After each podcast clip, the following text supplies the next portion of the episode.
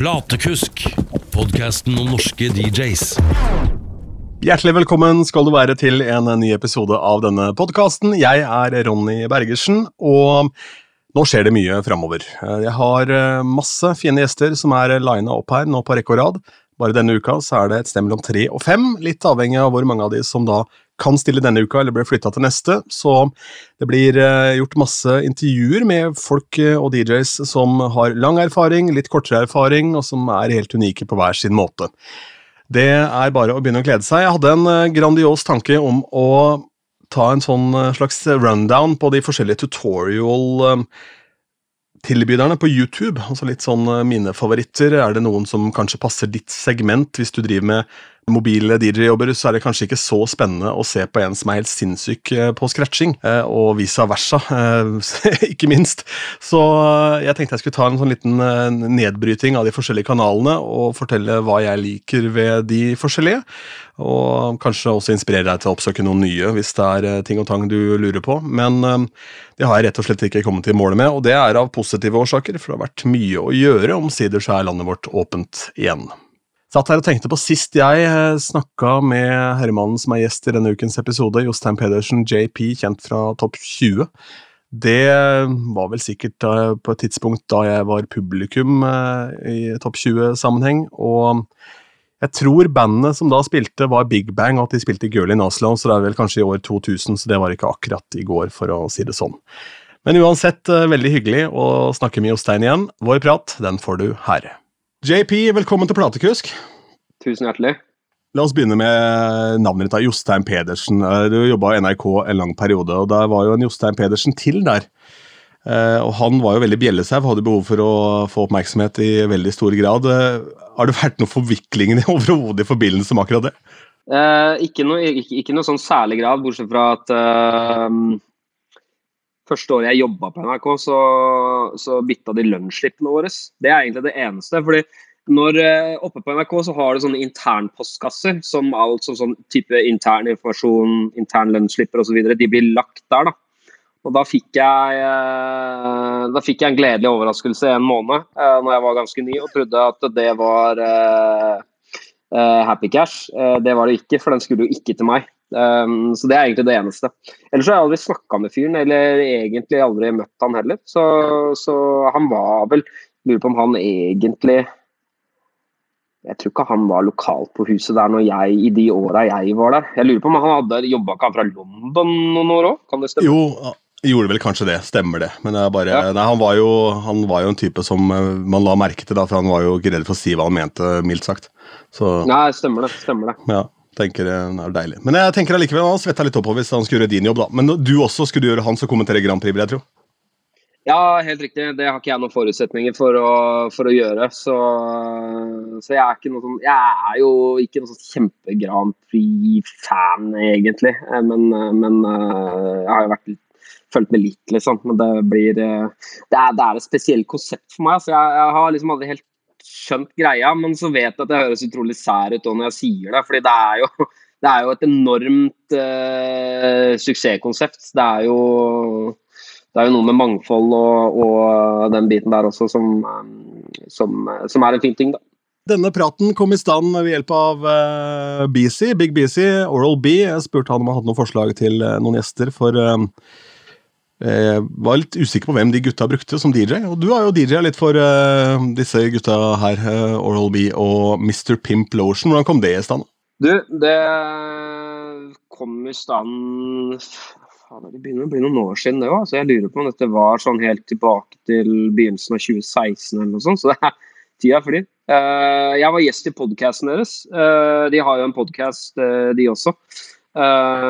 så jeg var gjest der sammen med Vegard. Eh, fra VG-lista. Og så begynte vi, å, begynte vi, å, snakke litt sammen, egentlig, jeg og, og um, Pimp og BC. Um, og så ble det bare en sånn naturlig greie, egentlig. De lurte på om jeg var hypp på å stille opp som DJ på, på, noen gigger, og det var jeg selvfølgelig gira på. Så har det egentlig bare gått litt sånn slag i slag etter det. Så vi, vi, har gjort ganske mange gigger sammen nå. Eh, eller gjort gigger sammen, det blir vel mer riktig å si at jeg har vært med de på en del gigger som de har. Eh, rett skal være rett. Og det er jo alltid veldig kult. Jeg er jo opprinnelig en hiphop-DJ. Og jo veldig, har jo veldig sånn forkjærlighet for dette med scratching og sånne type ting. Og disse gutta har jo holdt på mange år, så de er jo de, uh, de setter jo pris på den delen der, da. Ikke sant? At man kan stille opp på disse giggene og gjøre litt mer enn å bare uh, trigge låtene som de faktisk skal fremføre. Da, ikke sant? Så jeg krydrer det litt med litt, uh, litt ting og tang i forhold til scratching osv. Så, videre, da. så Så det er kult, det, altså. Så det, det har også blitt litt sånn ja, ja, kjør på. Ja, kjør på. Kjør på. Nei, det, det jeg skulle si, at det har også blitt litt uh, Det har jo Det, det, det har funka veldig bra. Så jeg har vært med på noen utgivelser som det har gjort også i form altså som DJ, da, hvor jeg har scratcha på en del ja, De hellige tre.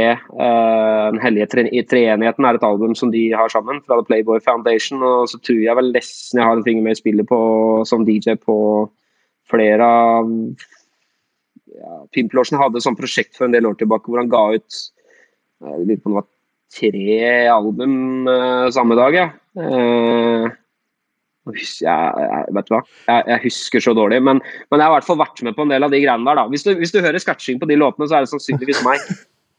Greia er det at eh, En ting er å huske dårlig, en annen ting også er å skulle huske noe som de gutta her driver med. fordi det er jo ikke noe mer hardtarbeidende rappere i Europa. altså De spruter jo ut låter som om det skulle være flammer. Det, der. det er jo helt sinnssykt.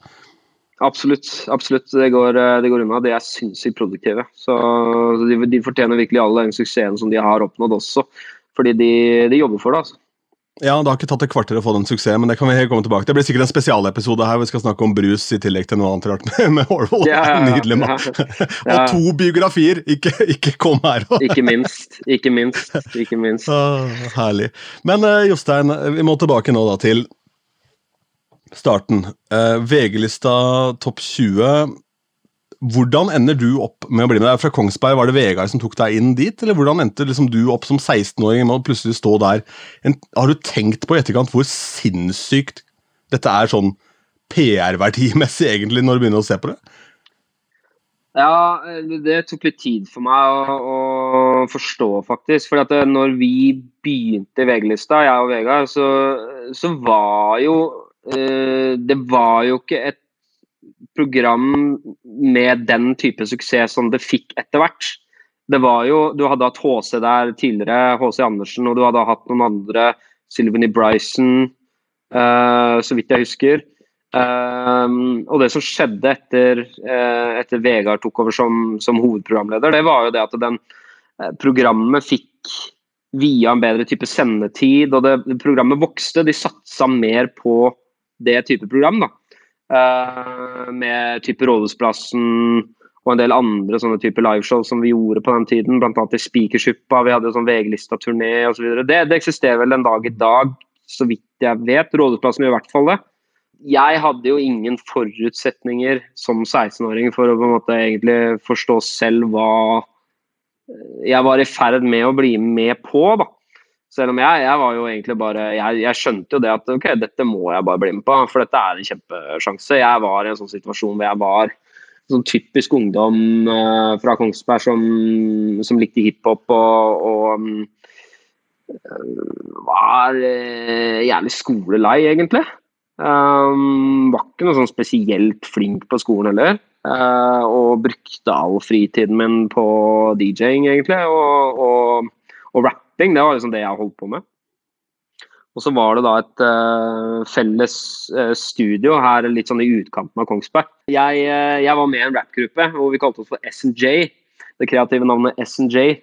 Um, det var meg og en som heter Stian Strysse, som også er fra, fra Kongsberg. og Vi hadde en rappgruppe sammen, og da brukte vi det studio.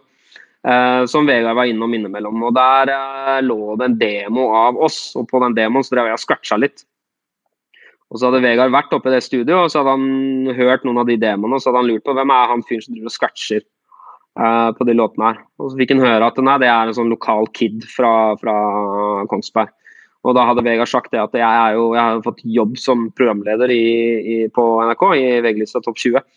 Så, uh, så, jeg vil gjerne ha nummeret til han uh, fyren som driver og scratcher på de skivene her. Og da ringte han Uh, ringte meg, og så forklarte han, eh, forklarte han greiene. Og så sier han at eh, jeg er hypp på å ha deg med.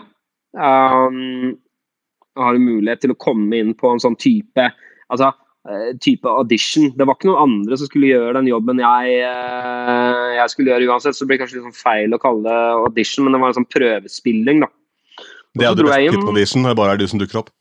Ja, ikke sant. Ikke sant? Så, så husker jeg liksom tok bussen inn til Oslo og hadde med meg to Technics 12T og greier og mikser og sånn. ikke sant? Jeg måtte ha hjelp av og på bussen bare for å få med alt dette greiene. ikke sant? Det veide jo 100 kilo. Um, og hadde en prøvespilling, og så fikk jeg bare vite under den prøvespillingen at det, ja, men dette er fett, det. Vi kjører på, liksom. Det er sending neste torsdag. Vi begynte med sendinger på torsdagene. Og så Sånn i, i, mitt hode så begynte det i det små. Vi hadde liksom noen sendinger, og dette var jo direktesendt TV. Uh, og jeg hadde jo ingen erfaring med å stå foran kamera på noen som helst måte. Og jeg var jo jeg er, sånn, jeg er ikke nødvendigvis han typen som er sånn veldig ekstrovert. Jeg er ikke introvert heller, men er kanskje sånn sted midt imellom. Vegard er jo en ekstrovert type. Det var det jeg skulle si. Han er jo i aller høyeste grad det. Så det blir jo kanskje en yin-yang-balanse der, da. Ja, ja, absolutt. Og jeg hadde, jeg hadde, jo en rolle som en sånn bakgrunnsfigur. ikke sant? Det var jo, Den rollen var jo tiltenkt meg. Jeg skulle bare være sånn en eh, tilnærmet statist i bakgrunnen, som var bare sånn kult element som spilte, spilte låter, liksom. Uh, og det begynte de også med, men han uh, Vegard er jo en løs kanon, så han, uh, han hoppa jo liksom bak DJ-bordet innimellom ikke sant? og begynte å snakke med meg under direktesendt TV osv. Så, så ble det liksom bare en sånn greie som utvikla seg til at jeg fikk en litt mer sånn tydelig rolle i det programmet. Da, hvor jeg, ble, jeg gikk fra å være på en måte kun en DJ til å bli litt mer sånn hva skal man kalle det, litt mer sånn medprogramleder. da, Hvor jeg fikk sånne egne spalter og, og, ja, og litt sånne ting. Så det var gøy. Ja, absolutt. Ja, det var veldig gøy. Det var gøy å se på også, for det var jo nettopp det at Vegard var en løs kanon som gjorde at det programmet ble en suksess. Fordi det var uforutsigbart, du visste aldri hva som skjedde. ikke sant? Eh, og så fungerte det overraskende bra. Men bare, det slo meg bare når eh, vi kom liksom i prat her om denne podkasten, at det, eh, det, der er jo by far liksom det største stykket markedsføring som en DJ har fått i Norge noensinne. Sånn i forhold til antall timer på TV hvor du får gjøre det du holder på med. Det er jo, det er jo en drøm, men og så var det før sosiale medier, så det var det folk dreiv med. var jo se på det programmet etter hvert. Det var jo var det ja. de holdt på med. Det var jo et av ukas eh, store høydepunkt. Så, ja. Eh, men klart, det var nok grunn til at NRK vel også ikke hadde noe holdt på å si, problemer med det. var jo også, Du var jo ung, så jo, de viste jo bare fram et kult talent, liksom. Hvordan eh, ble du tatt imot av etablerte hiphop-DJs i Norge når du plutselig var på TV? og sånn? Fikk, fikk, du en telefon fra noen av de Kjente du noen av de fra før, eller hvordan var dette her? Nei, jeg gjorde ikke det. Jeg var jo veldig Jeg var jo fra, som sagt, fra Kongsberg. Eh, så jeg var ikke noe del av noe sånt. Jo, altså, i en liten grad. Jeg var litt sånn del av det hiphop-miljøet og hadde noen kompiser som drev med hiphop i Stavern og, og liksom kjente til litt folk litt sånn her og der. Men, men eh, jeg var jo selv ikke noe sånn spesielt etablert innenfor det miljøet. Og så er det jo på på den tiden der, da, på, dette var jo slutten av 90-tallet, så, så, var jo hiphop noe helt annet enn det det er i dag. Nå skal ikke jeg bli sånn gammel grinebiter som sitter og sier at alt var mye bedre før, men uh, For det, det, det, var det ikke på mange måter heller. Uh, for I forhold til den norske hiphop-kulturen, så var jo det mye mer uh, kred-basert, da, i forhold til at du skulle ikke stikke deg ut, og det var mye mer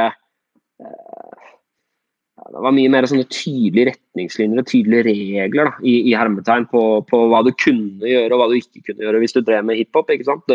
I dag så høres det jo helt banalt ut. ikke sant? Hvis du, drev, hvis du hadde med en syngedame på refrenget ditt, så var du sellout. Og da kan du tenke deg åssen det er med en, med en kar som anerkjenner seg som hiphop-DJ og stiller opp på et uh, TV-program i beste sendetid som baserer seg på de mestselgende låtene i uh, Norge denne uken, det er jo ja.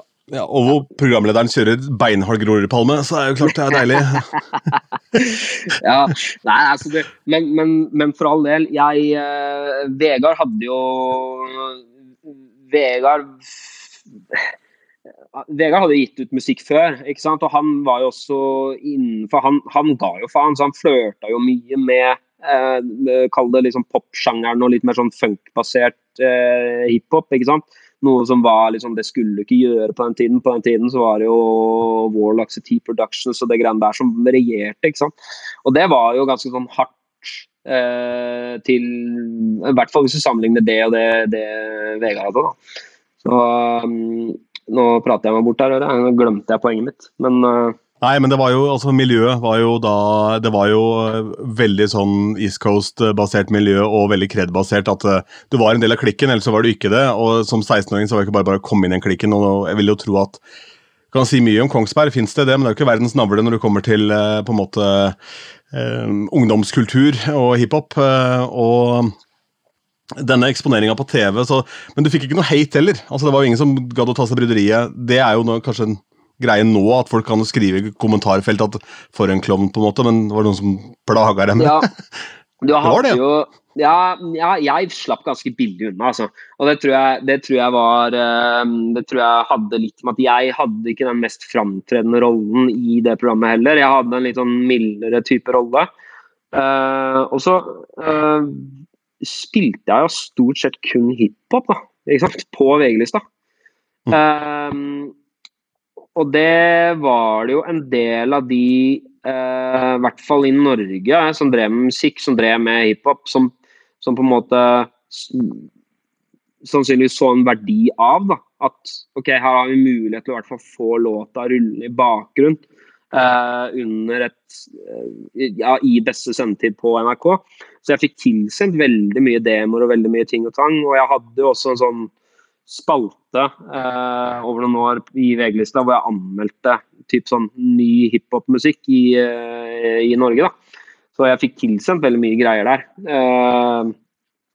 så, så det, det var Jeg fikk mest love. Og så fikk jeg selvfølgelig, sånn som du alltid vil få når du stikker trynet ditt fram, i ung alder, så fikk jeg også litt, uh, litt pepper. Men uh, ikke i noe sånn, ikke noe sånn særlig grad. Altså, jeg tror det er verre i dag på mange måter. altså. Ja, for det er mye sånn skjult dritt i dag òg. Det er liksom Du har feil farge på meldingene på telefonen, så er det gærent nå når det er kid. ikke sant? Det tungt. Ja. Uh, men jeg vil jo tro at kanskje det er den øverste anerkjennelsen du kunne oppnå på det tidspunktet, når det var, eh, miljøet var såpass kredbasert og lukka som det var, var at du fikk tilsendt de uh, skivene. da. Fordi så verdiene at det sto en fyr der og faktisk da viste fram kulturen. da.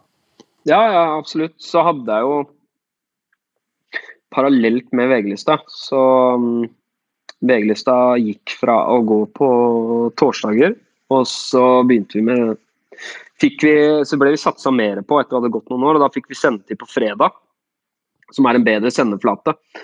Og så I tillegg til det så fikk jeg eh, eh så fikk jeg sånn eget program som het JP Show på NRK2.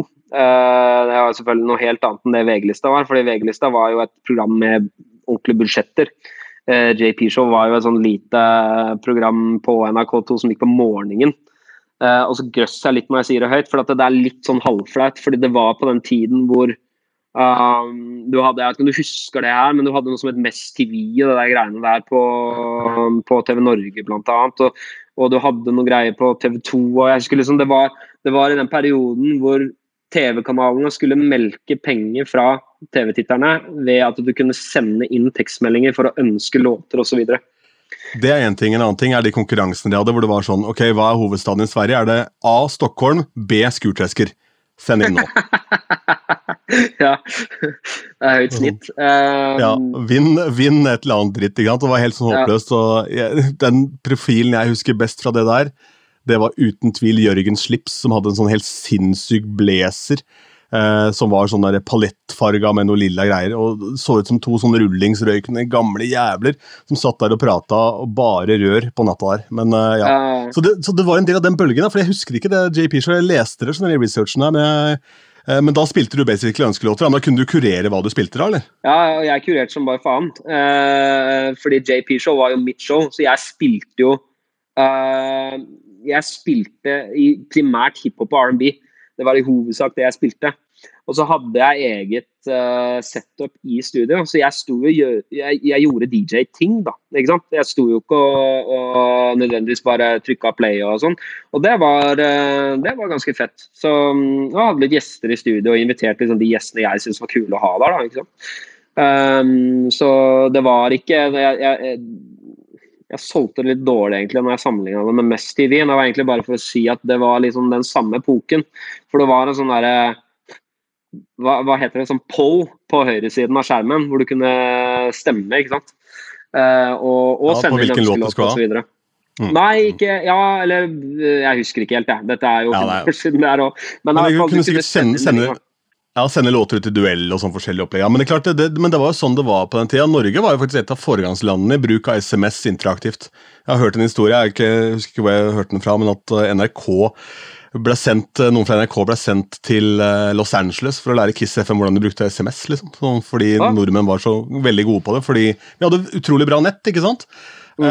Her til lands. Og så um, koster det vanvittig mye penger å ha folk på jobb her, så liksom, du må jo ta i bruk teknologi. det er noe med det. Ja. Så men det høres ut som du har fått det beste ut av den eh, perioden her også. Du kunne jo endt opp eh, eh med makker med en eller annen klovn og bare sitte og røre deg, på en måte. Fordi det var jo nok av de tingene òg, hvor du ikke gjorde noen ting som blei Og så var innafor det du drev med, da. Ja, og jeg var jo sånn, jeg husker jo det på den tiden også, når jeg satt og så, så der Mest TV-greiene. Sånn, jeg var jo sånn sterk eh, motstander av det greiene der. Eh, jeg tror jeg kalte det for søppel-TV også, på direkten på VG-lista en gang. Um, så jeg prøvde å være litt sånn motpol, da, men, men basically så blir det jo litt sånn same same. da? Men jeg prøver i hvert fall å gjøre noe da, som var, uh, som var, uh, som var litt kult. Det følte jeg også egentlig at jeg uh, ja, egentlig delvis fikk til. da, I den tiden det varte. Og det var jo veldig mye sånn, fordi NRK2 var relativt nyetablert på den tiden, hvis jeg husker riktig. Jeg mener at de var i hvert fall veldig sånn de satsa veldig på De prøvde liksom å finne formen sin. Det, altså, Nyetablert var det, de kom i 96, tror jeg, eh, men de satsa jo som en sånn veldig kred-kanal. som da de ikke fikk til å funke på et vis, så måtte omprogrammere det. mener jeg husker, og Da kom alle disse tingene her inn, hvor de prøvde på en måte å treffe litt andre litt andre ja, hva skal vi si, andre håper å si algoritmer, men altså andre ja. punkter hos folk. da, altså En målgruppe, rett og slett. Ja, men ja. Før, før, dette, før du møter Vegard og alt sammen, eh, hvordan starter den interessen for hiphop? Hva er det som gjør at Jostein fra Kongsberg ender opp med å bli så glad i denne sjangeren her fra statene i USA?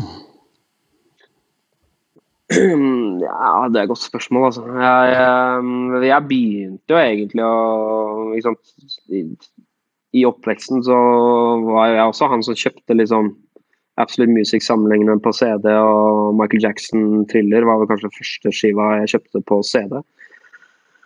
Og så hadde jeg Jeg husker at jeg syntes alltid at scratching var så sinnssykt fett. Det var noe jeg bare åh, Det er så kult. da, Jeg digga det hver gang jeg hørte det. Det var jo mye mer av det før enn det det er i dag. ikke sant?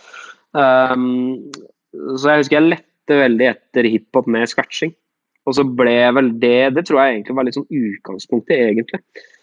Um, ja, så begynte jeg å høre på hiphop. egentlig. Jeg hadde jo noen kompiser fra barneskolen som, som hørte mye på hiphop, og da blir det jo litt sånn når du er ung. ikke sant, at det blir litt sånn ja, Man begynner å prate litt om hva man liker, og det var vel egentlig bare en sånn hva skal jeg si? Nei, jeg, det bare, jeg vet ikke, det bare skjedde naturlig, liksom. Jeg har alltid egentlig digga det. Og så det ene tar det andre, og så er du på en måte bare inni det. Det er noe med det. Ja, og i det, og idet du blir bitt av den basillen Jeg hadde jo sammen med klubbmusikk da jeg på en måte vokste opp. så var det hørte Tiesto, eh, og så møtte jeg han tilfeldigvis når jeg var og hørte på en skive i Oslo. For Han var da innom Greedy Records. Jeg, for Han hang jo mye i Norge. Han ble jo svær i Norge før han ble svær i utlandet. Um, og hang mye i Norge, og så kommer han opp og sier at han prikker meg på skulderen. Der står en drittunge der som har sikkert skulka skolen for å gå på Greedy. ikke sant? Og sier 'buy this one instead'. Og så bare, ja, ja, han hadde overhodet ikke den aksenten, by the way. Men jo, også, også er det Tiesto sjøl som kommer med Sparkles-vinylen. Så jeg kjøpte jo den. Ja, så, men jeg lærte jo aldri å spille prøvde jo å spille vinyl, men jeg lærte aldri å DJ ordentlig på vinyl. da, så den gang da. Men hvordan i alle dager lærer man å scratche før man kan gå på YouTube og søke det opp og, og få en tutorial?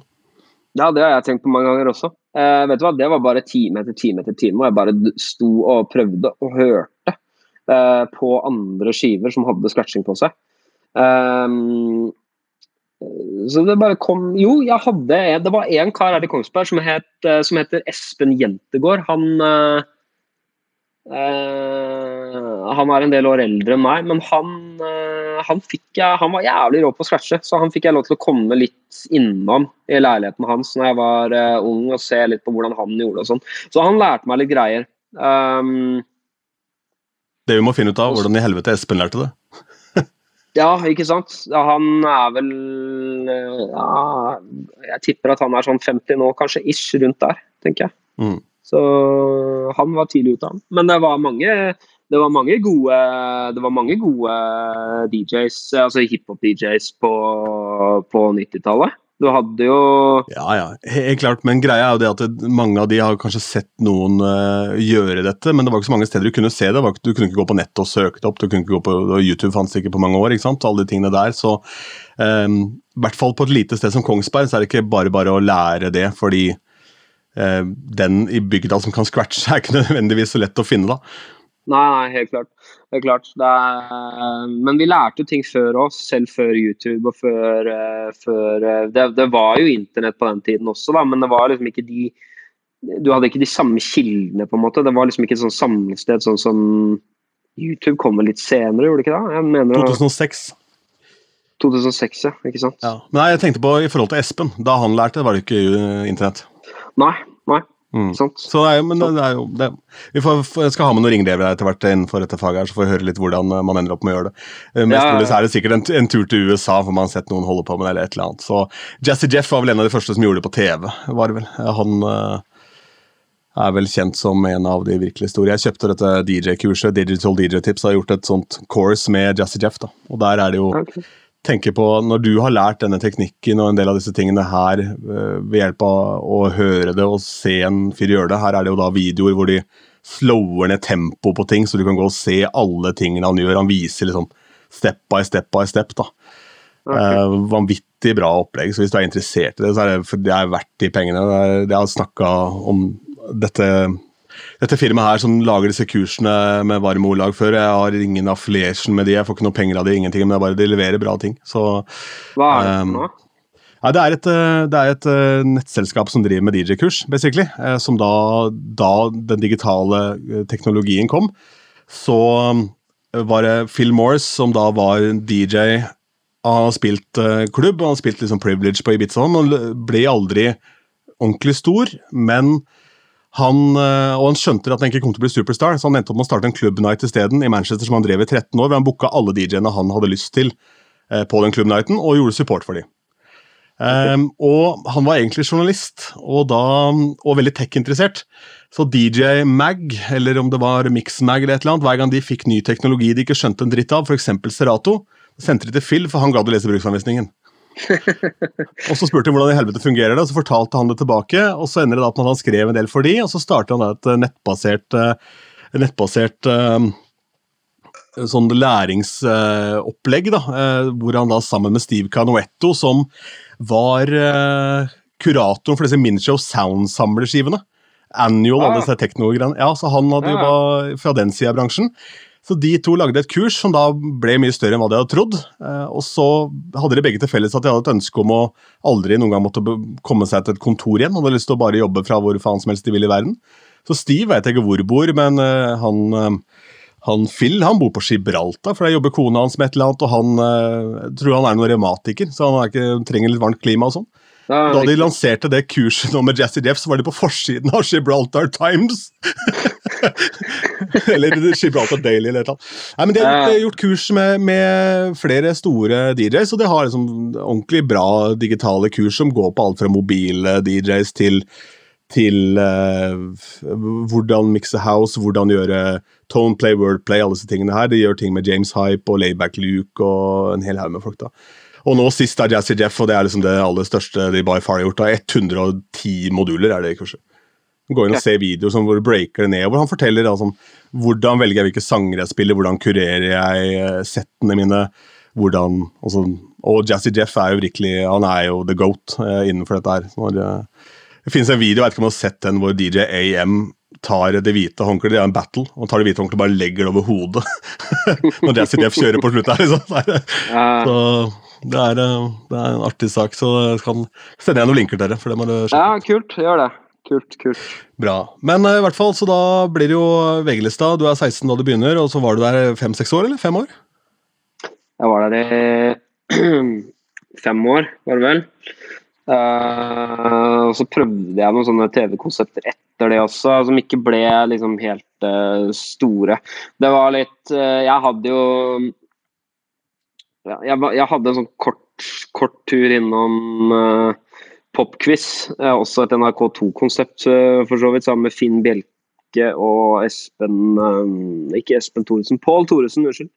Pål Thoresen, som skulle De hadde jo hatt dette Popquiz-programmet på P1 i årevis, og skulle ta det over til TV. Og da skulle jeg eh, være med som hus-DJ på dette. Jeg tror vi hadde noen sendinger her før vi fant ut at det funker bedre på radio. Um, Skulle, skulle gjerne sett det med Espen Thoresen for øvrig. Det vært deilig. Espen Ja. Thoresen, deg og Finn Bjelke. Kjør, da. Ja. ja, jeg husker vi tok et pressebilde sammen, så ser jeg litt sånn uh, det,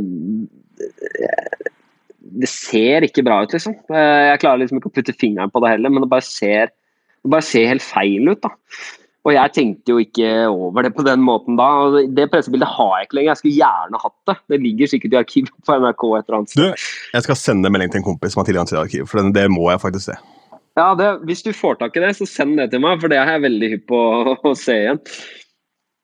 Uh, så ja, det ble en kort karriere der. Um, og så Det jeg gjorde etter VG-lista, så jobba jeg noen år sammen med eh, Navid The Incredible, eh, hvis du har hørt om han. Han var jo en eh, superprodusent på den tiden, og gjorde jo veldig Ja. mye Veldig mye bra på den tiden. Um, Var en del av spil- Two Gs, og Ja. så gjorde han uh, Største låta var vel 'Bli hos meg med Dina', som var en megabanger. Ja da, han gjorde mye, og han var jo også opprinnelig en, en hiphop-produsent, og for så vidt hiphop-DJ også. Han var jo med i dette um, DMC-mesterskapet i Norge og vant vel det et par år òg, tror jeg. Og dette er mer som sånn ja. tidligere på 90-tallet. Dette jeg Jeg har sånn tenkt å snakke med Navid der også. Så Ja. jeg har, eh, Ja, men han, eh, men han Jeg vet ikke om han er noe sånn særlig aktiv uh, lenger, altså, men Men, eh, men uh, jeg jobba to år med Navid, og han gjorde jo veldig mye annet bra. Han, gjorde, han jobba jo med Madcon i begynnelsen også. og Han rapperen som kalte seg for Farrell, som også er på Sony Music. Så jeg spilte inn et album der, og så uh, fikk jeg en platekontrakt. For da var jeg på den tiden hvor det fungerte litt mer sånn at du ikke ga ut musikken din sjøl, for du skulle jo faktisk trykke opp musikk. Dette var jo før Spotify og de streamingtjenestene. Eh, så jeg ga ut noen eh, låter. Det var en kort eh, tur innom VG-lista sjøl med låt.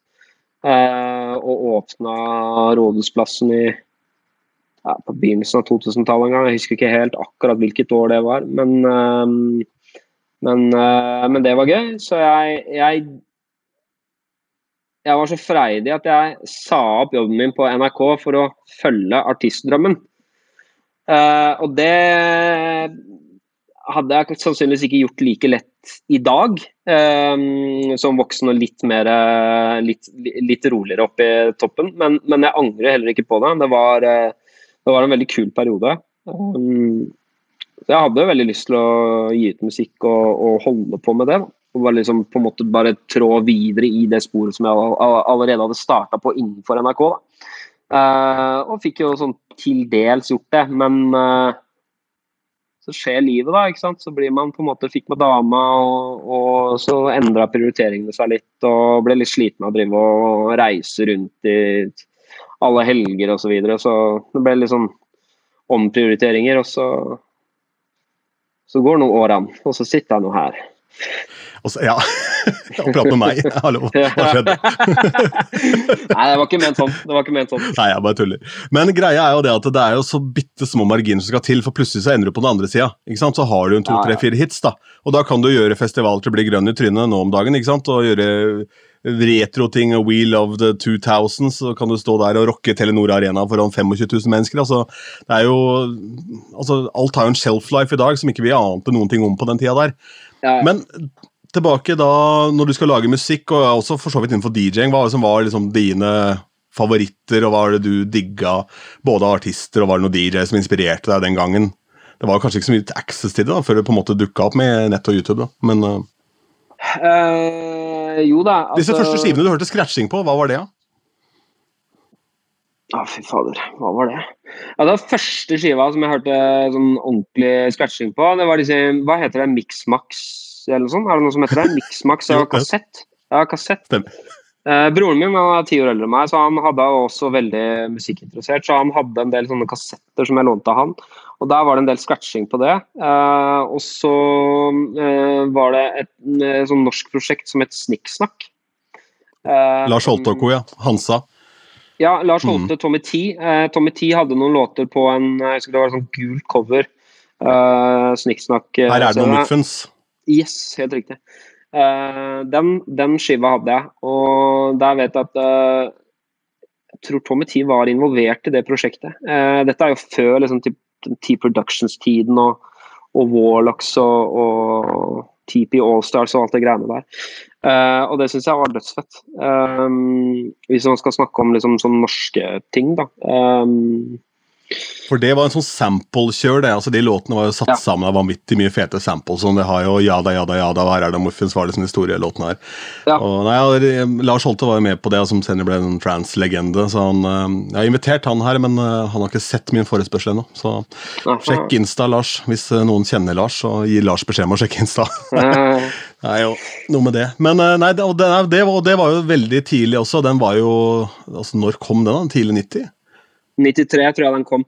Eh, men, men det er klart jeg også sånn, den, Disse årene går litt sånn i surr for meg nå, i og med at det er såpass langt tilbake. Men jeg hadde jo noen inspirasjonskilder sånn på in internasjonalt nivå også. ikke sant? Jeg hadde DJ Kubert, som var en veldig sånn habil type hiphop-DJ, og det eh, Du hadde jo disse mixtapene, eller Funkmaster Flex var det en kar som, som som ga ut en del sånne hiphop kalle litt sånn hiphop-mixtapes, liksom.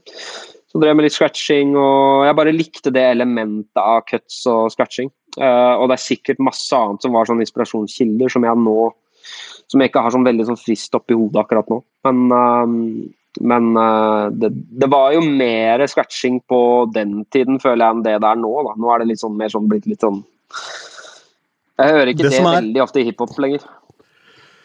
Nei, det er jo, nå, nå, tar man jo, nå er det jo gjerne potpurrier, at man tar elementer fra alt mulig rart, og så blir det en sånn fusion altså Alt blir slengt i en gryte, på en måte. Uh, og Det er ikke godt å si hva som ender opp med å bli populært. men Det var jo en periode hvor alt av populær hiphop var så sløyt og jævlig at det var helt, jeg hadde lyst til å skjære av deg huet når du hørte på det.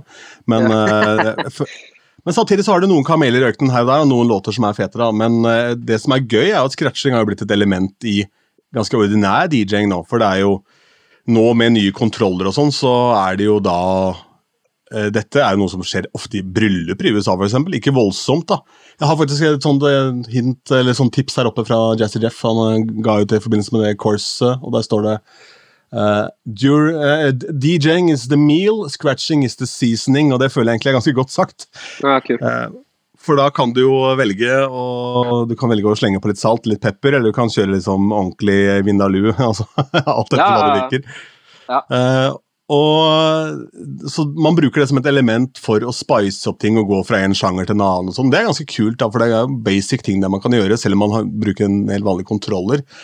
Men hva gjør du for å holde ting ved like nå? Altså, Øver du enda? Bruker du noe tid på det? Eller, altså, hvor, hvor stor Ja. del av livet ditt nå er DJ?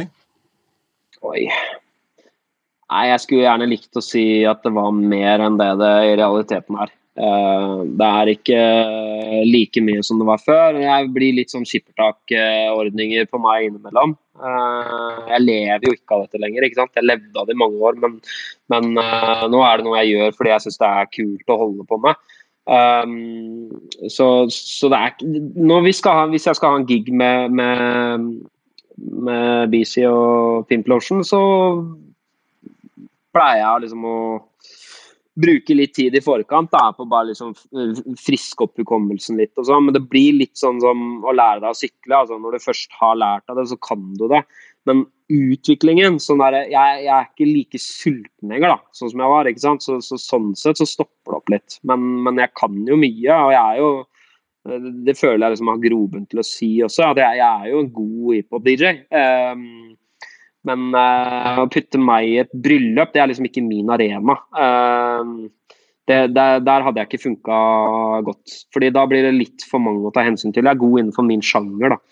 Så ja, og jeg håper at uh, de som er, føler at jeg er en jævlig god bryllups-DJ, altså at ikke de takker ja til en jobb hvor de skal stå og scratche heller, for det kan bli jævlig. Mm. Men når det kommer til det rent tekniske, da, sånn i forhold til å lære dette, så er som du sier, det er som å sykle. så Det går liksom på muskelminnet, alle disse tingene du egentlig må kunne. da, For det handler jo egentlig om hvor du plasserer hendene dine i forhold til vinyl eller skiva. Eh, og alt dette du gjør med crossfadene. Det er bare ting du rett og slett må repetere nok ganger, så sitter det, eller, hva, eller er det noe kortere vei til rom? Ja, altså for, for, for meg det, har, det, har, det, vært sånn. Uh, men, men, det er klart, du stopper jo aldri å utvikle deg. ikke sant? Altså i den det, det er jo ikke Du kommer jo ikke til et punkt hvor du på en måte klapper deg sjæl på skulderen og sier at sånn, da er jeg ferdig utlært. Uh, så du, jeg har jo masse mer å gå på, jeg også.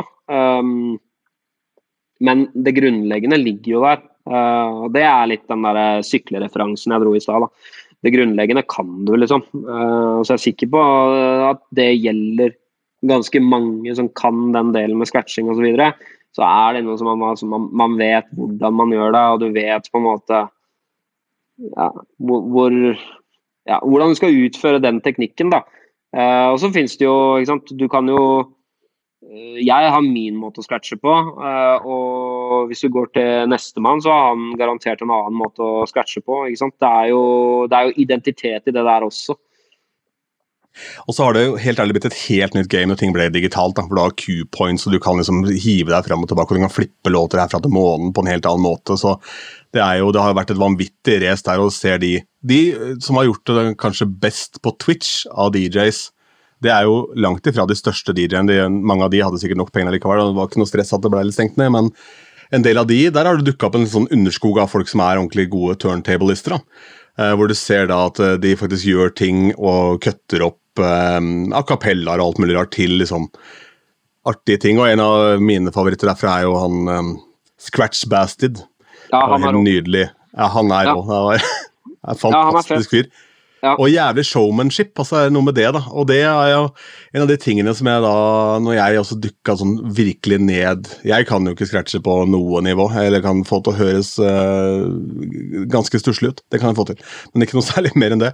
Uh, men uh, da jeg dykka ned liksom, i disse tingene da når korona kom og du ikke gjorde spillejobber lenger og hadde med all den tid til overs da, til å se på videoer og intervjuer og se hva folk gjorde, så er jo det en ting som appellerer veldig til meg, fordi DJ-ing blei på et tidspunkt veldig sterilt når alt på en måte Beaten din er synka hvis du har beatgrid av låtene dine. altså eh, og da, da var DJ-inga borte, men DJ-inga di handler jo egentlig ikke om å slenge to sanger sammen i beat. Det, det kommer mest om tre år, tenker jeg, så er det, det er ikke en del av DJ-ing, for det skjer automatisk.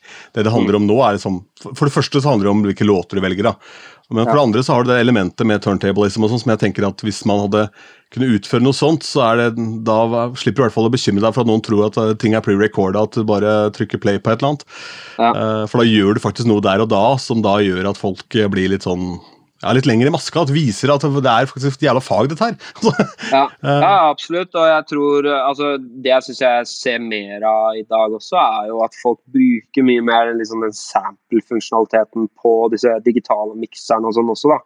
Uh, og det er jo en del DJ som ikke kan scratche, som også gjør kule ting med det i forhold til pitcher og Eller pitching.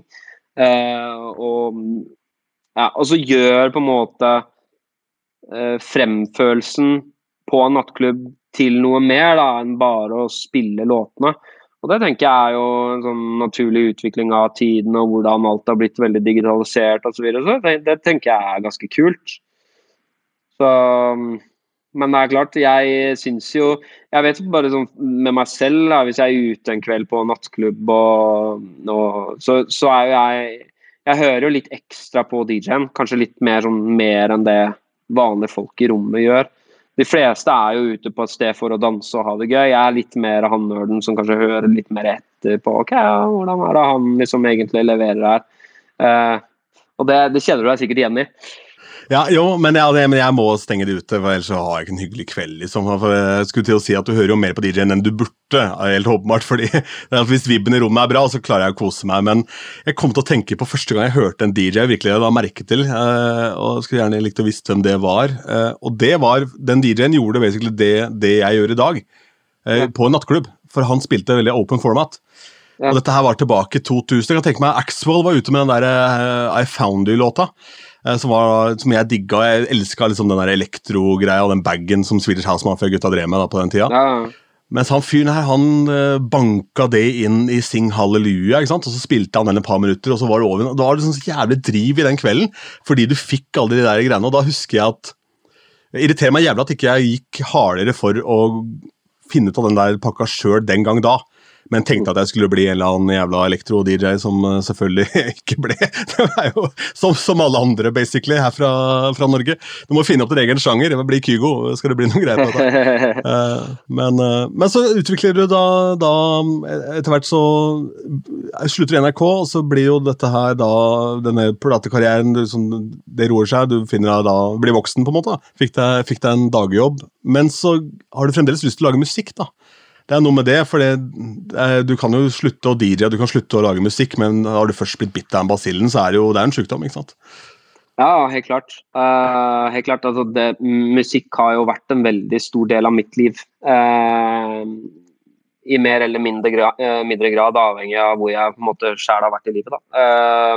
så musikken har alltid vært der. og um, jeg har jo driver og produserer litt uh, egne låter, jobber sammen med en veldig god kompis av meg som, som, Vi har liksom en sånn greie, og vi har hatt det i de siste ti årene, da. Uh, hvor vi treffes sånn en helg i ny og ne og bare setter av en helg og bare OK, nå skal vi bare lage musikk. Um, og det har, vi, det har vi holdt på med som sagt i sånn, ja, ca. en sånn tiårsperiode, og det er noe av det ja, det er noe av det bedre jeg kan gjøre i dag. Da. Det er sånne ting jeg gleder meg til. Uh, for vi er jo begge voksne menn med liksom forpliktelser på hver vår side med barn osv. Så, videre, så, det er kult. Så jeg driver fortsatt og gir ut uh, musikk. Uh, og er liksom, ja, man prøver seg litt fram og tester litt forskjellige ting. Og noe har gått, noe har gått veldig bra i forhold til min målestokk, og noe har ikke gått fullt så bra. Så det er, det er gøy. Men motivasjonen din ligger vel ikke da heller i å på en måte skulle skape en gigahit? Det er jo noe du gjør for deg sjæl fordi du har stor glede av det. Det er helt åpenbart måten du snakker om det på. Ja da, eh, absolutt. Det, det er jo noe med Sånn som du og jeg også snakka om sånn innledningsvis her før vi trykka på record, eh, så er det noe med Jeg er snart 40. Um, og det handler vel litt om altså Det høres veldig trist ut når jeg sier det på den måten, men, men det, det handler vel også litt om å se sin egen begrensning til en viss grad også. Uh, jeg jeg kommer ikke til å breake gjennom som en uh, hip rapper i dag. Skjønner du hva jeg mener? Det, det, det, blir litt naivt å sitte og tenke det. Uh, så, så, ja, jeg gjør det for, uh, for min hva skal jeg si, min egen del. Ja, jeg gjør det for min egen del. Nå syns jeg det selvfølgelig er utrolig kult å få noen tomler opp for det og å høre at folk syns at det er jævlig fett. da. Um, så det gir meg noe ikke sant, å holde på med. Det er derfor vi sitter her. Altså. Det er derfor du sitter og holder på med DJ-ing, du òg. Det er jo fordi at man har lyst til å gjøre det. Det er en passion i, i, i bunnen da, som, mm. som, blir en del av livet, rett og slett. Og den tror jeg jeg kommer til å ha med meg eh, til jeg ikke orker mer, liksom. Eller til jeg, til jeg på en måte ikke er eh, kapabel til å gjennomføre noe sånt lenger. Um, har du noen glede av remixing? Jeg har ikke drevet og flørta så mye med det, egentlig. Altså. Eh, jeg har noen kompiser som er produsenter, som, som gjør det en del. Og, og, de lager mye fett av det. Men, eh, men da er det ikke på DJ-nivå, da. For det var det du refererte til nå, ikke sant? Ja, nei, altså, grei, ja, det spiller egentlig ingen rolle. Jeg bare tenker at det kan jo være da Sånn jeg hører du snakker nå, så tenker jeg at det kanskje kan være en ganske kul arena hvor man plutselig kan få altså, ja, Anerkjennelsen er jo sikkert ikke så jævla viktig for deg, det er ikke det som driver deg her, men plutselig er det noen som kan ta av, fordi det er noe noen liker. altså Så um, noe gamle funk, altså hva som helst, da. altså Finn et eller annet. For det er en svær arena for noe, via da liksom band uh, Hva heter det? Bandcamp og sånn, så har man liksom mulighet for å vise fram tingene sine. Eh, og på et fora, eller YouTube for den saks skyld. altså Det er utrolig Ja. mange som legger ut ting som da blir dritpopulært her. liksom, hvis du har noe og det handler jo bare om at du gir det, gir det en flipp som er din identitet, da. For den er jo Ja. til stede i aller høyeste grad. Ja, det er jo mange som har breaka hardt på det greiene der, på det remix-kjøret. Så, så jeg, jeg er klar over det. At det er, eh, det er en sånn egen greie som, som åpner opp gjerne noen dører for, eh, for en del eh, sultne produsenter og, og sikkert DJ-er også. Og, og det har blitt sånn den Hva skal jeg si? Altså Nei, Jeg syns det, liksom, det, det blir kulere liksom ta mikken, egentlig. Det høres så teit ut når jeg sier det, men jeg syns det, det har blitt litt kulere. Jeg merker at det De få gangene hvor jeg liksom har muligheten til å stå på en scene, så syns jeg det er kult å kunne gjøre egne låter og, og, og gjøre noe på mikken. Um, så sånn er det nå. Men uh, det går litt sånn i perioder, det òg, da. Det, var, det, er deilig, det er en deilig reise. Det starter med at jeg var egentlig jævlig fornøyd med bare å stå i bakgrunnen og spille hiphop på topp 20, så kommer han der litt slitsomme Vegard og skal ha med meg her, og plutselig nå Jeg liker best å være på mic! Ja, ja, nei, ja, Jeg driver jo og flakser mye fram og tilbake, men, um, men jeg har egentlig alltid vært sånn Jeg har alltid likt å være litt sånn tydelig på de rollene. Litt sånn Hvis jeg er DJ, så syns jeg at det er veldig greit at eh, jeg må ikke nødvendigvis på mikken hvis jeg er DJ. Da vil jeg helst la være. Da vil jeg helst la på en måte jobben min skinne gjennom eh, platespillerne, da. Fordi jeg er en sånn type DJ. Eh, jeg syns ikke det er noe galt med DJ-er som tar mikken og, og hauser opp stemninga. Altså, det også funker jo dritbra hvis du er god på det. Men jeg er ikke han fyren. Jeg er han fyren som, som gjør DJ-greiene på, på, på, en annen måte, da, i forhold til turntablism og, og, og prøve, sånn som du sa. Det viktigste er de låtene du plukker ut, og hvordan du klarer å lese publikummet ditt for å bygge opp en fet kveld. Der er jeg med.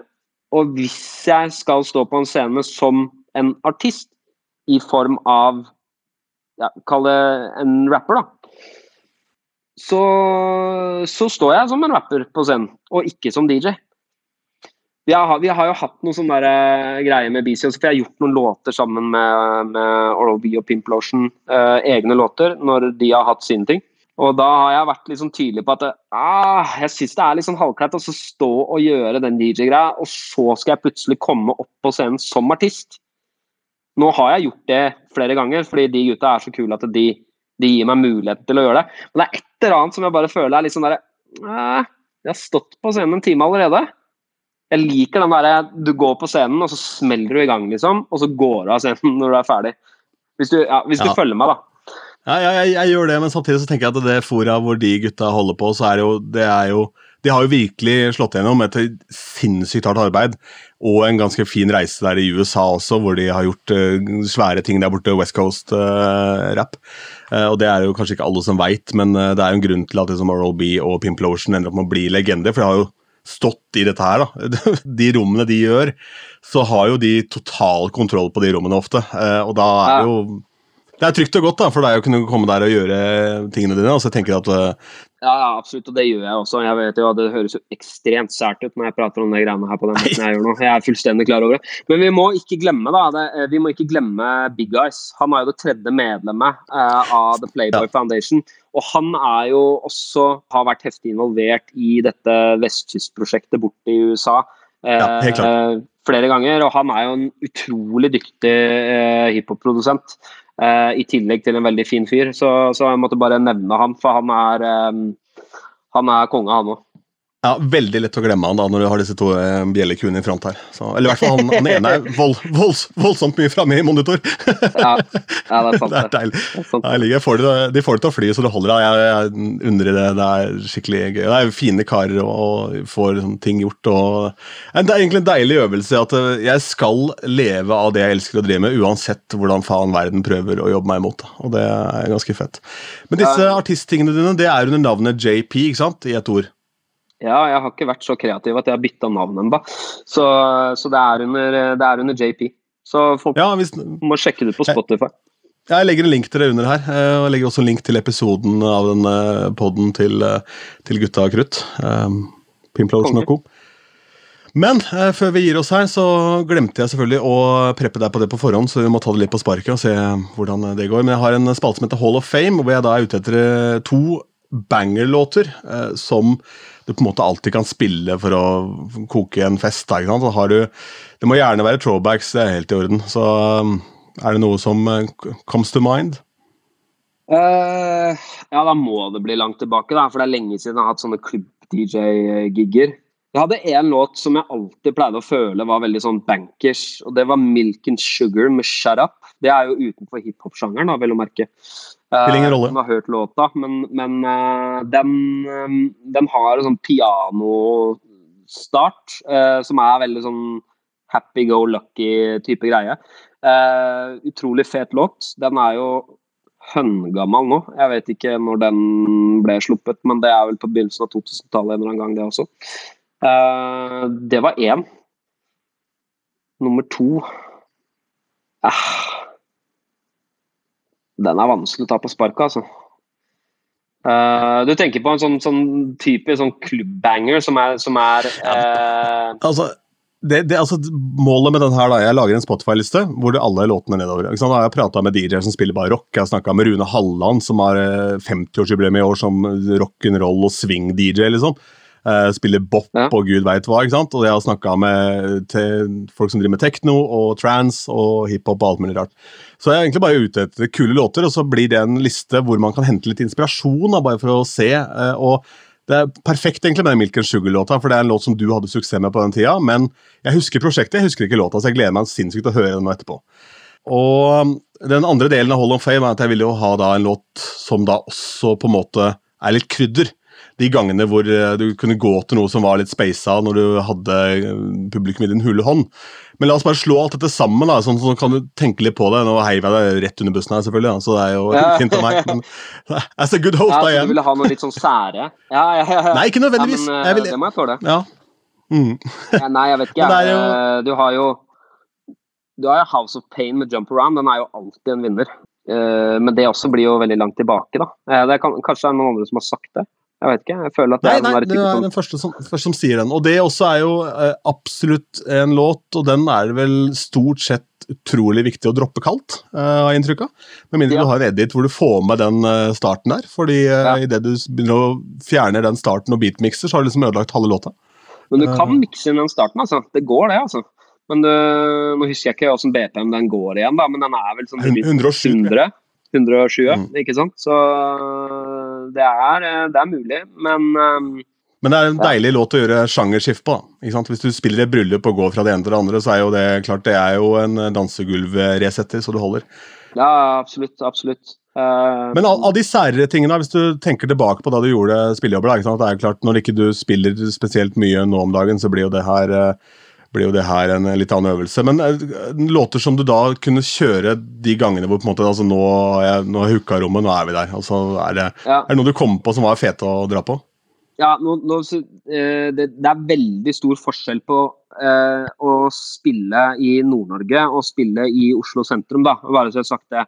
Og de jeg hadde en sånn resident-periode på Kafé Opera i Oslo når jeg var uh, yngre. Og jeg var uh, gjeste-DJ gjentatte ganger på en del sånne type sånn hiphop and R&B nights. Og hvis jeg skal ta Oslo for meg, da, så, så var det veldig mye sånne klassikere sånn som LL Cool J, uh, Phenomenon, Not by Nature um, men vi har tre låter her, da. Jeg tenker Da kjører vi Phenomenon, og så kjører vi House of Pain, og så er krydderet Milk and Sugar. Ja, det, den, det kan jeg gå god for. Ja, jævla bra. Og så er det en ny spalte. Først ut med den. Har du telefonen din i nærheten? Skal vi se. Det har jeg, vet du. Gi meg to sekunder. Den er her. Har du Shazam? Eller det Soundhound? Ja. Eller? Skal vi se. Eller gira på å vite hva det siste du Shazama var. Å oh, ja. Ja, den har ikke vært mye brukt, tror jeg. Uh, skal vi se Jeg kan ta min først, da. Ja. I går så Jeg hadde en helt vill dag i går. Jeg DJ-a ti timer i går. Gjorde det først seks timer Ja, det, var, eh, det skulle bare være et par timer for en kompis som arrangerte noe som heter Frøland Games. En Jeg har en kamerat som er han er rockestjernerørlegger. Altså han er helt sinnssyk rørlegger. Han er dritflink på det han gjør, og kjempeselvtillit. Vinner personlighet som helvete. Dritkul type. Uh, og i pandemien så har jeg gjort en del sånne DJ-mikser. Jeg gjorde blant annet en sånn callback til det første stedet jeg gjorde resident på hjemme i Askim, hvor jeg kom fra. Og Han er en av de fyrene, folka som har sendt meg liksom alltid meldinger og bare yes, og han har filma seg selv og hører på det. Han bare digger det, for det er jo tilbake til den tida og Han hadde glansperioden sin, han fløy og banka opp folk på disse utestedene. uh, og han uh, tjener jo greit med penger også nå, og så har han en svær, svær um, eiendom, en svær gårdsplass i Skiptvet i Indre Østfold. Så Da de måtte stenge ned uh, CrossFit Sarpsborg, hvor han trente, stengte ned, så kjøpte han apparatene og så arrangerte han Furland Games utendørs hjemme hos seg sjøl.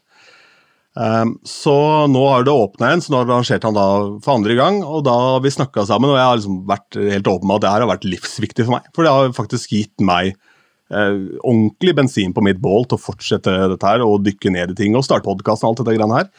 Eh, og sånne folk må du liksom bare ta vare på. så gjorde jeg Forrige fredag så gjorde jeg en skøytedisko for han. Da lanserte den på tirsdag. Kom 500 kids på fredag på skøytedisko.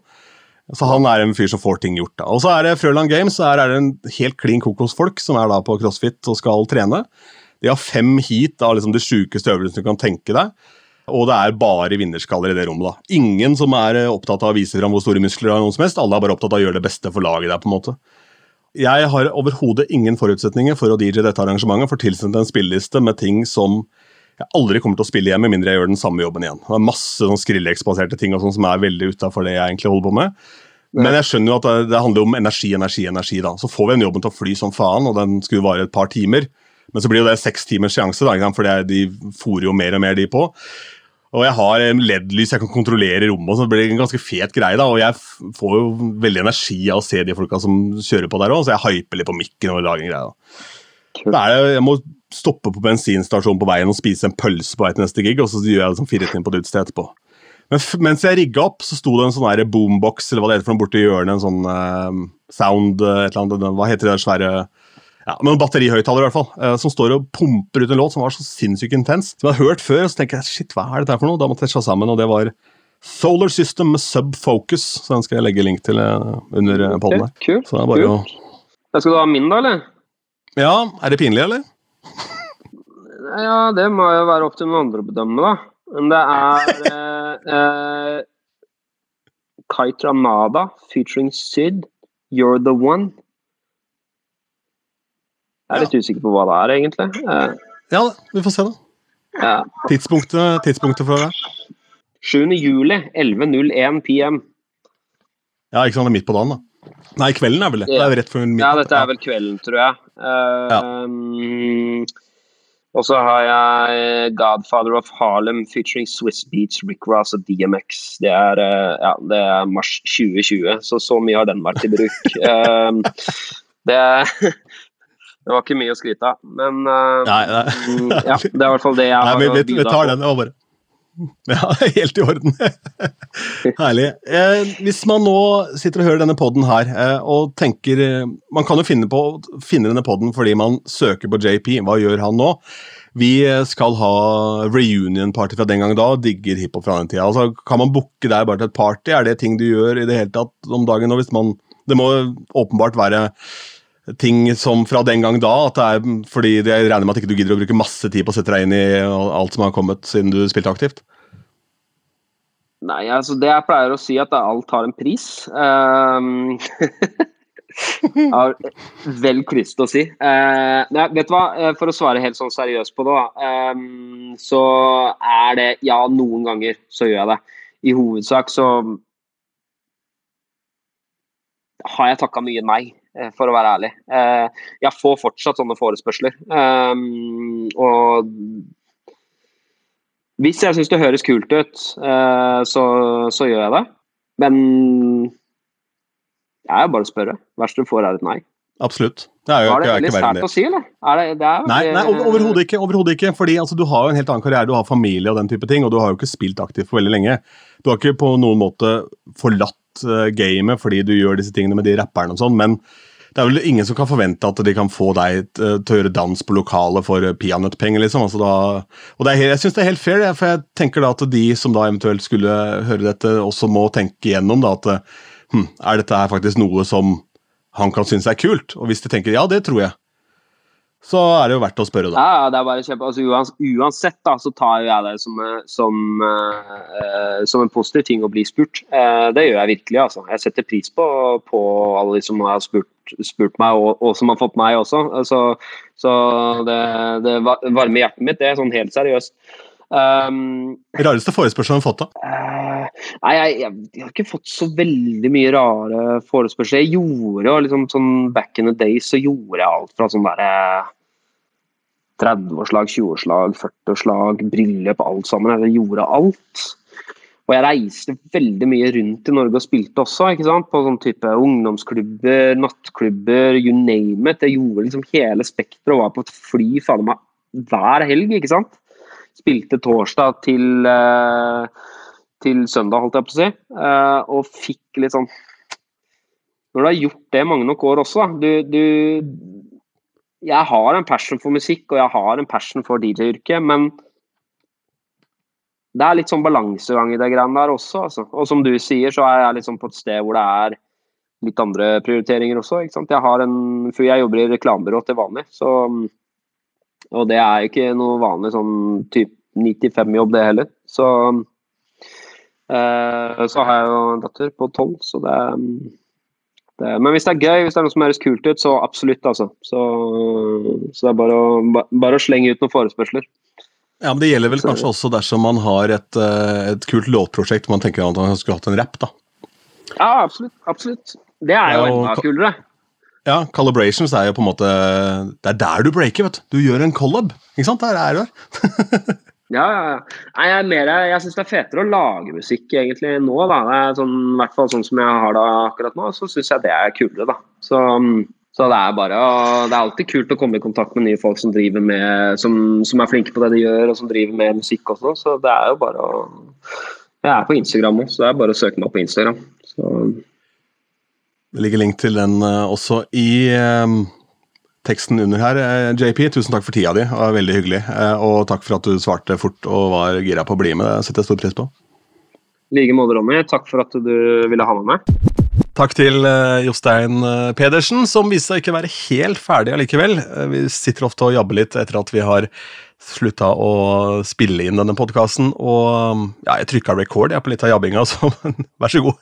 Altså jeg må jo, For det første så må jeg slutte da å invitere folk til en podkast som tar en snau time, for det bikker over timen alle sammen. Det er jo det er så mye gøy å prate om. Og så blir vi sittende og kakle etterpå, også nå her da med JP. Og eh, veldig ofte så dukker det opp da Faen, jeg burde jo nevnt eh, Og da Ja, det blir ekstranummer, da, rett og slett.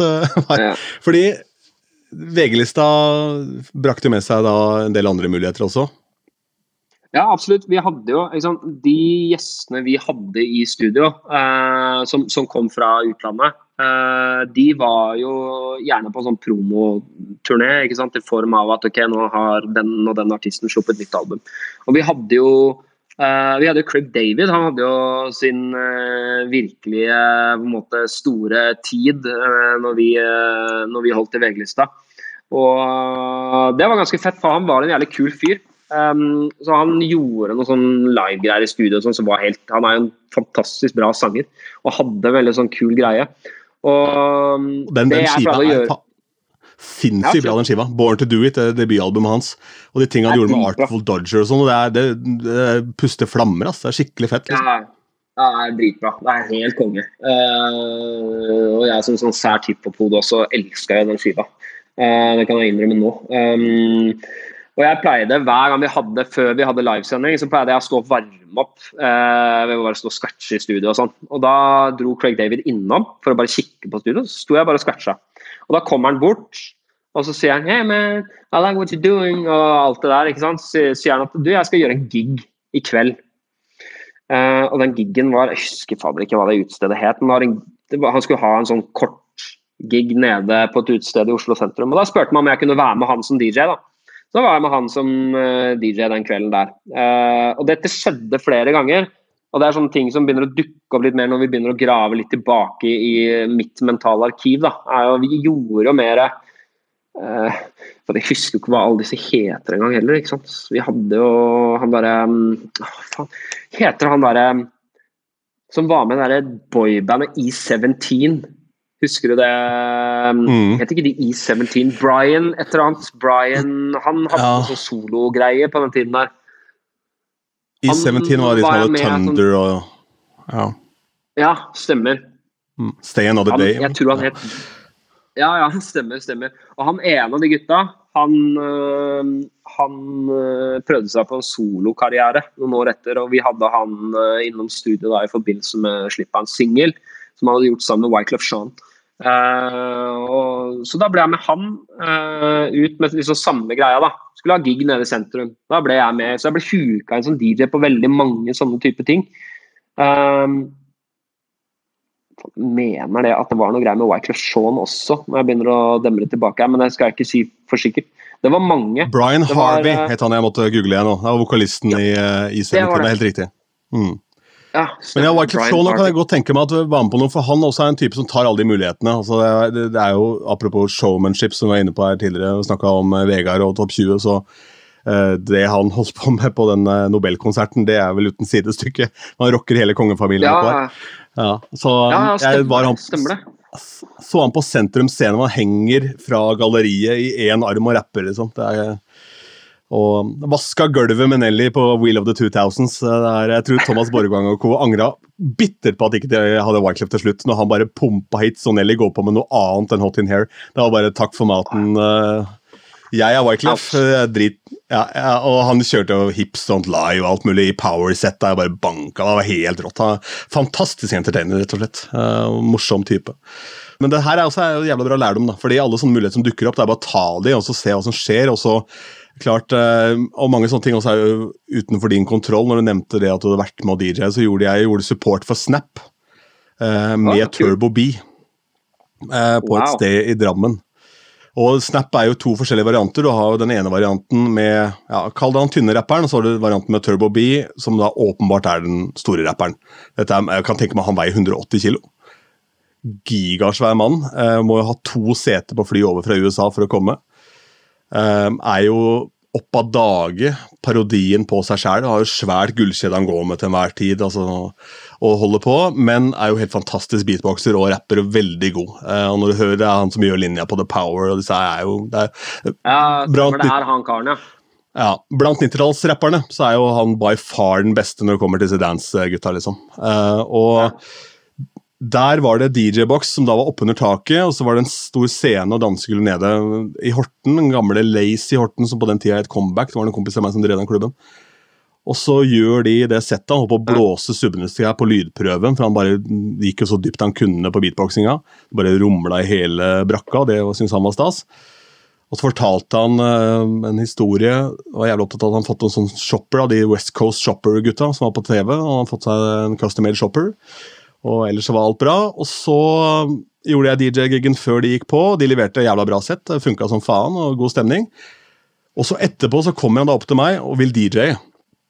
Jeg tenker Wow. det her er dritfett. Men mind you, dette er da inni et sånt slags bur som er over dansegulvet. Og den eneste inngangen til det buret var en sånn liten altså, hunde, hundeluk omtrent. Du måtte krabbe inni. Så der står denne dritsvære mannen og bare krabber inn i det jævla buret sammen med meg. Og det er ganske lite i utgangspunktet, så jeg står oppi et hjørne trøkt opp et hjørne sammen med den gigasvære fyren som har to brente CD-er og spiller da de fram og tilbake. Han var jævla god òg, vet du. Han hadde selvfølgelig full peiling på dette her. Og Ja, den brakka da. Jeg var litt redd for at du skulle si at det buret faktisk deisa ned i bakken eller noe sånt. Ja. At, det, at du hang i to sånne kjettinger fra taket, og så kom han inn, og så smalt Ronny og Turbo eh, rett i dansegulvet.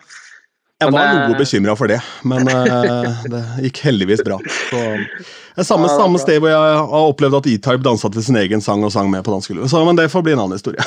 Ja, det er fett. Men det skal, i og med at vi er liksom Vi, skal, vi må gi én litt eh, Jeg må komme med en sånn avslutningsstory, da. Jeg skal prøve å holde den litt kort, siden vi sikkert er på overtid her.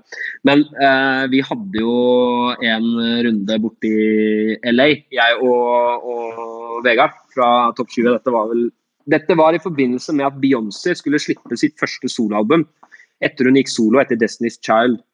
Hun hadde akkurat, Ryktene hadde begynt å svirre om at hun hadde blitt sammen med JC, så det var jo noe som åpenbart veldig mange journalister var veldig interessert i. Uansett, jeg og Vegard vi fløy over til uh, LA og uh, skulle intervjue Beyoncé. Og jeg var jo egentlig bare med som sånn tag-along. Altså, jeg hadde jo egentlig ingen rolle i det. Jeg var litt sånn her, han som satt på ene sida og egentlig ikke sa så mye. ikke sant? Jeg var med fordi jeg var en del av det programmet. Um, så jeg holdt meg litt sånn uh, i bakgrunnen, da.